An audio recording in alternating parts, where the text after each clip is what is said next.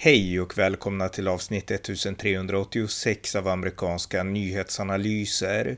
En konservativ podcast med mig, Ronny Berggren, som kan stödjas på swishnummer 070-30 28 95 0. Idag är det 20 år sedan al-Qaidas terroristattack mot USA den 11 september 2001.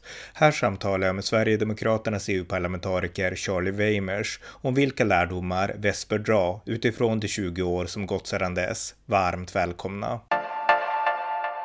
Charlie Weimers, välkommen! Tack så mycket Ronny. Idag så är det 20 år sedan 9-11-attacken mot USA, det här stora fruktansvärda terroristdådet och jag har tydliga minnesbilder av vart jag var och vad jag tänkte när det hände. Och jag förmodar att du har också, så kan du berätta vad, vad du tänkte och dina reflektioner den dagen?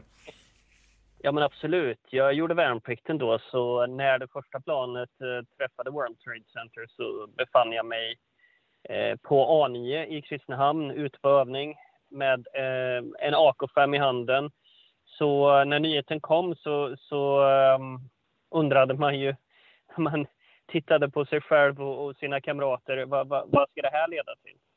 Vad blir det här? Vad är nästa mål? Uh, vad är det här början på? Uh, och, och ehm, ja, det minnet har verkligen satt sig djupt. Ja, och det vart ju en väldigt snabb, alltså det var en stor uppslutning bakom USA i Sverige då i alla fall. Alltså minns du något av den? Alltså att det fanns en enhet, att alla kände att det här är något avskyvärt.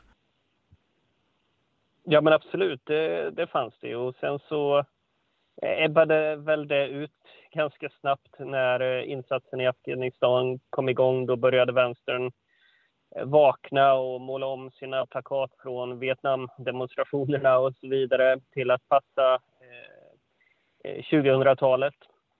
Eh, ehm, men, men i början så, så var det verkligen en uppslutning som, som jag minns med värme. Mm.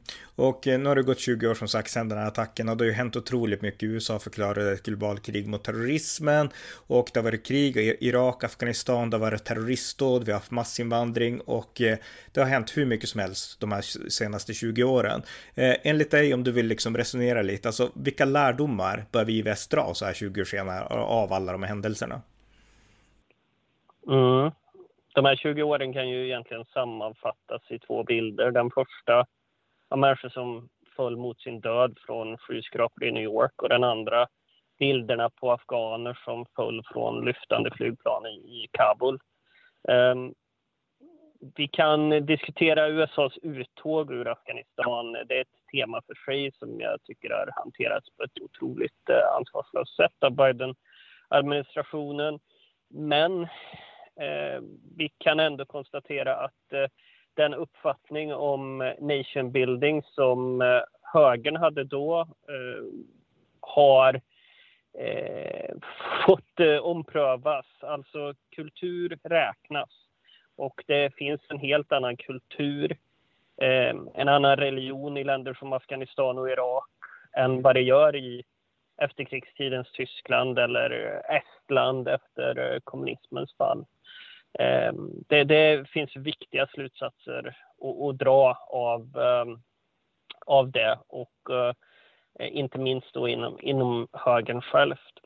Ehm, sen var ju eh, slagordet för al-Qaida eh, att vi älskar döden som ni älskar livet. Och det där tror jag tog en tid för väst att, att faktiskt förstå att de menade allvar. Inte efter eh, bombningarna i London, tunnelbanan och bussarna eller bombningen i, Madrid, tågbombningen, så, så hade man fullt ut förstått detta. Det var egentligen först med Islamiska staten som, som det blev okej okay i mainstream-debatten att vara tuff mot jihadister. Mm.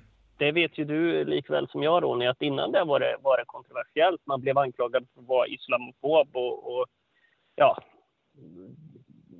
ja, gud vet vad. Um, Ja, men ett så, exempel så det på det, om jag, om jag börjar få skjuta in, alltså nu i morse så hade TV4 en intervju med den här äh, svenska kända salafisten Anas Khalifas, som nu har ändrat sig och tagit mm. avstånd från det. Men han berättade att direkt efter 9-11 så firade liksom muslimer i Sverige. Det var, han sa att det var inte bara de radikala, utan alla firade 9-11-attacken, sa han i Sverige. Och sådär. Och det var ju någonting, det kunde man inte säga för 20 år sedan, för då var man rasist och så.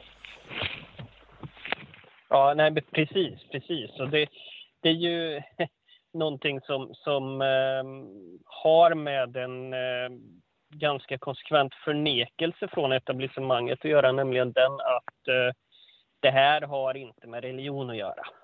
Ehm, när, när eh, etablissemanget i Sverige eller i väst i övrigt eh, eh ser sig omkring så ser man eh, kyrkan på i ena delen av stan och kommunhuset i andra delen av stan och det är två helt olika ting och det är det ju för oss i väst. Men eh, om det beror på okunnighet, fantasilöshet eller rent bedrägeri så, så verkar man inte förstå att detta moskén och politiken inte är två olika saker i andra delar av världen, i den islamiska delen av världen. Och att eh, just eh, salafijihadism då är en, en gren, en militant gren av eh, salafismen som är en del av islam. Eh, så, så därför så fortsätter de att sponsra fundamentalistisk islam med, med våra skattepengar i kommunfullmäktigen, regioner, eh, riksdag och, och EU. Och, och, det gör de trots att experter är eniga om att eh, icke-våldsam islamism är en jordmån bördigare än Skåne för våldsam islamism. Mm. Och, och um, salafijihadism och den ideologi som al-Qaida eh, står för. Så um, låt det vara vår läxa efter 9-11 att eh, det här hör ihop.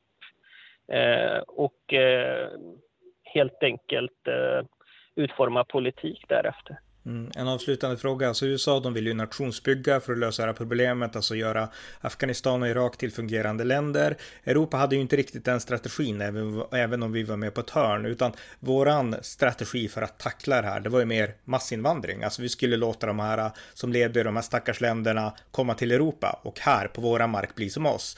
Och jag tycker ju att oavsett vad man nu tycker om nationsbygge, jag är nog mer positiv än du, men då vad hette det så, den strategin var ändå liksom vettigare än att göra som Europa bara öppna gränserna. Håller du med om det?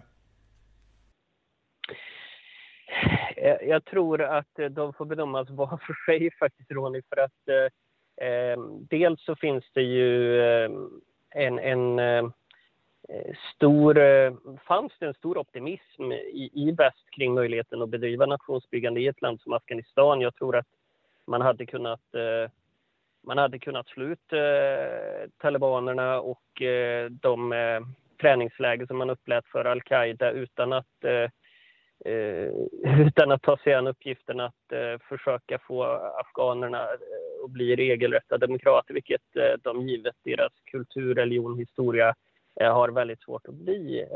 Men, men, men, men Europa har... Alltså det som är fördelen med nationsbyggande i så mått det är att det är jämfört med massinvandring till Europa, det, det är att det går ja, det går att göra ogjort. Eh, så att säga, talibanerna gjorde 20 år av nationsbyggande ogjort eh, nu i år. Eh, och, eh, men massinvandringen till Europa kan, kan inte göras ogjord. Den, den är oåterkallelig i många stycken. Eh, och ehm, det är den stora skillnaden. Mm. Eh, avslutningsvis då, kommer du EU-parlamentariker, kommer EU på något sätt, vet du det, högtidlighålla den här dagen i, på, no, på något sätt?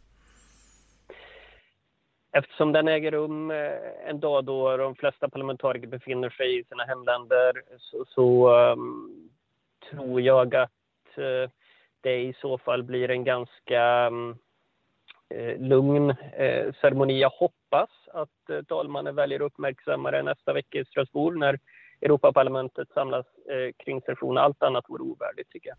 Mm, just det. Okej, okay, men tack så mycket Charlie Weimers. Tack så mycket Ronny.